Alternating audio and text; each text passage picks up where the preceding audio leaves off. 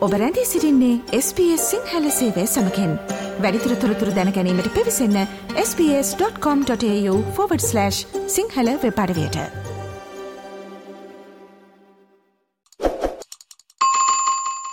ඔබ ඕස්ට්‍රේලියාවේ ජීවත් වෙන කෙනෙක් නම් නොදුරු අනාගතයේ නැත්නම් ඕස්ට්‍රේලියාවට එන්න ඉන්න කෙනෙක් නම් ඔබ හොඳින් දැනුවත් වෙලා ඉන්න ඕන කාරණයක් තමයි මේ මෙලනෝම කියලා කියන්නේ.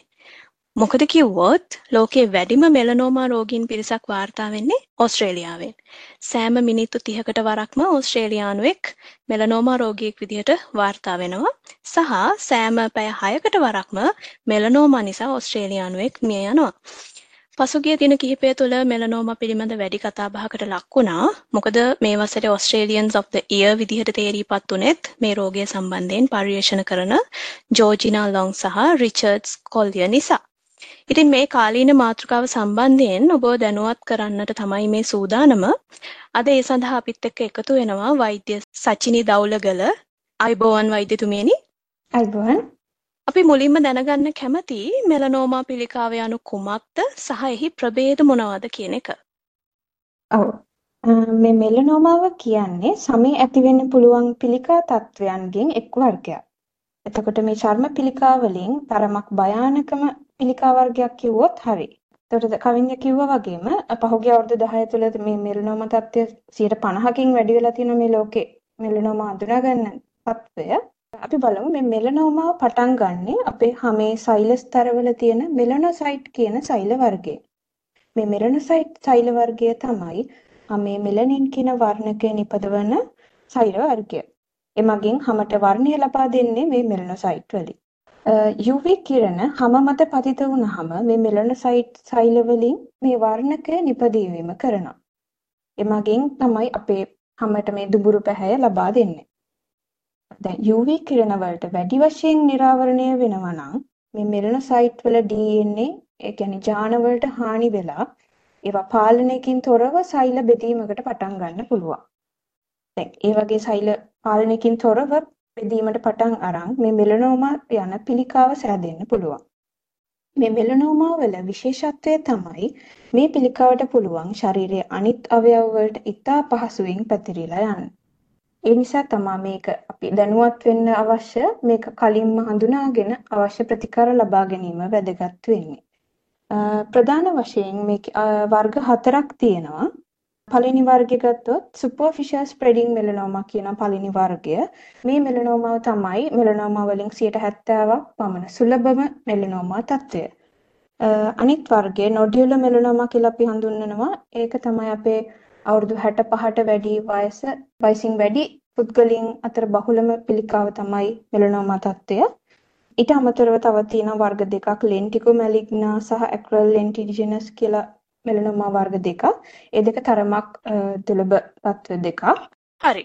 මෙම මෙලනෝමා පිළිකා තත්ත්වයට ගොදුරු වීමට බලපාන හේතු සාධක මොනවාද? මෙලනෝමා තත්ත්වයට හේතු සාධක කීපයක්ම බලපානවා.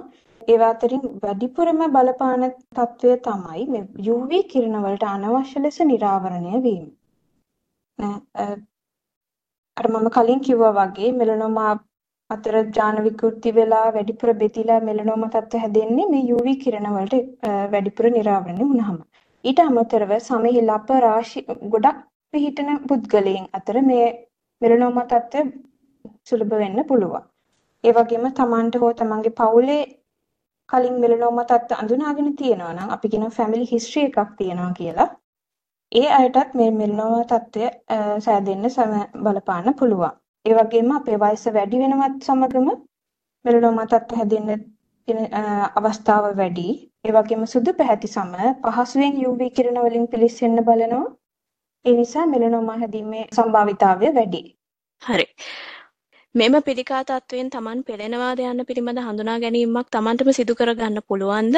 සහ එම රෝග ලක්ෂණ මොනවාද? ඔව් අපිට ඇත්ත වශයෙන්ම Tamanට Tamanගේ හැම තරමක් දුරට පරීක්ෂා කරලා මේ තත්ත්ව කලින් අඳුරගන්න පුළුවන්.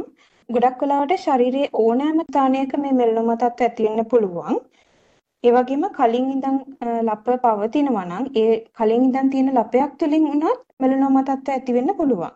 එතකොට හැමේ අලුතින් ඇතිවන සැක සහිත වර්ණ වෙනස් වීමක් අලුතින් ඇති වෙන පැල්ලමක් ඒක සමෙන් ඉහළට එසවි තියෙන්න පුළුවන් හැම හැම මට්ටමින් පමණක් තියෙන්න පුළුවන් ඒ වගේම මේවා ගොඩක් දුරට කළු දුඹුරු පැහැති පැල්ලමක් විදිහට මතුවෙන්න පුළුවන් ඒ වගේම ඊට අමතරව රතු රෝස නිල් පැහැ වුණත් වෙන්න පුළුවන් ඒ වගේ වෙනස් වීමක් තමන්ගේ හැමේ දකිනවා නම් අපිට සැක කරන්න පුළුවන් මේක මෙලනෝමාවක්ද කියලා.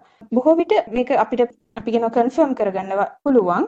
මේ මෙලනෝමා තත්ත්වය අපිට වෛද්‍යවරයෙක් හම්බෙලා හැම පරීක්ෂණ හැම පරීක්ෂා කරලා වෛද්‍යවරයා පරීක්ෂා කරලා මේක මෙලනෝමාගේ සැක කරනවා නම් අපිට පුළුවන් පොඩි හැමේ පටක කොටසක් ඒ කියන්නේ අපි බයොප්සි පරීක්ෂණයක් කරලා මේක සම්පූර්ණයෙන්ම අපිට මෙලනෝමාවක්ද කියලා තහවුරු කරගන්න.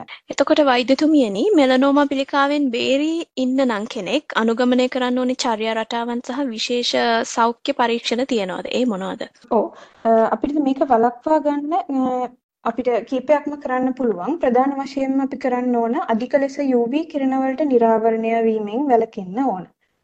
කියන්නේ හිරු එළිය වැඩිපුරම වැටෙන වෙලාවල් වල අවුවේ රැඳෙන වෙලාව අවම කරගන්න පුළුවන්. අවුවේ රැඳෙන්න අවශ්‍යම වෙලාවට අපිට ශරීරය ආවරණය වෙන ලෙස ඇඳුම් ඇඳගෙන ඉන්න පුළුවන්. ඒ වගේම වඩාත්ම වැදගත් අපිට සන් ක්‍රීම් එකක් පාවිච්චි කරන්න පුළුවන්. ඒක SPF වගේ 50ට වැඩි UV කිරණ A සහ B වලට අපිට ආරක්ෂාව ලබා දෙන සන්ස්ක්‍රීම් එකක් වෙනවා නම් ඒක වඩාත්ම හොඳයි. ඒ වගේම අපිට පුළුවන් තමන් හමු වෙන GP එහෙම නැත්නම් අපේ පවුලේ වෛද්‍යවරයා හරහා අපිට regular skin care skin examination එකක්. ඒ කියන්නේ අපේ හැම පරීක්ෂා කරගන්න පුළුවන්. ඒ වගේම තවත් වෙනම ආයතන තියෙනවා skin examination specialistලා අපි හඳුන්වනවා. ඒ අයට කියලා අපිට හැම පරීක්ෂා කරගන්න පුළුවන්. අපිට මේක කලින්ම අඳුන ගන්න තරමට තමයි අපිට මේක සම්පූර්ණයෙන්ම සුව කරගන්න පුළුවන්. 95ක් අපිට කලින් අඳුන ගත්තොත් මේක සම්පූර්ණයෙන්ම සුව කරගන්න පුළුවන්. ඉතා සුළු ශල්‍ය කර්මයක් මගින් මේක ඉවත් කරගෙන. හොඳයි. අපි බලාපොරොත්තු වෙනවා ඔබ මේ සම්බන්ධයෙන් ඉතා හොඳ දැනුවත් වීමක් වෙන්න ඇති කියලා. ඔබ සහ ඔබේ ළඟින්ම ඉන්න අයව මේන් ආරක්ෂා කර ගන්නට ඔබට මේ කරුණ උපකාරී වෙන්න ඇති කියලාත් අපි හිතනවා. අපව දැනුවත් කළාට බෙහෙමින්ම ස්තුතියි වෛද්‍යතුමියනි. ස්තුතියි.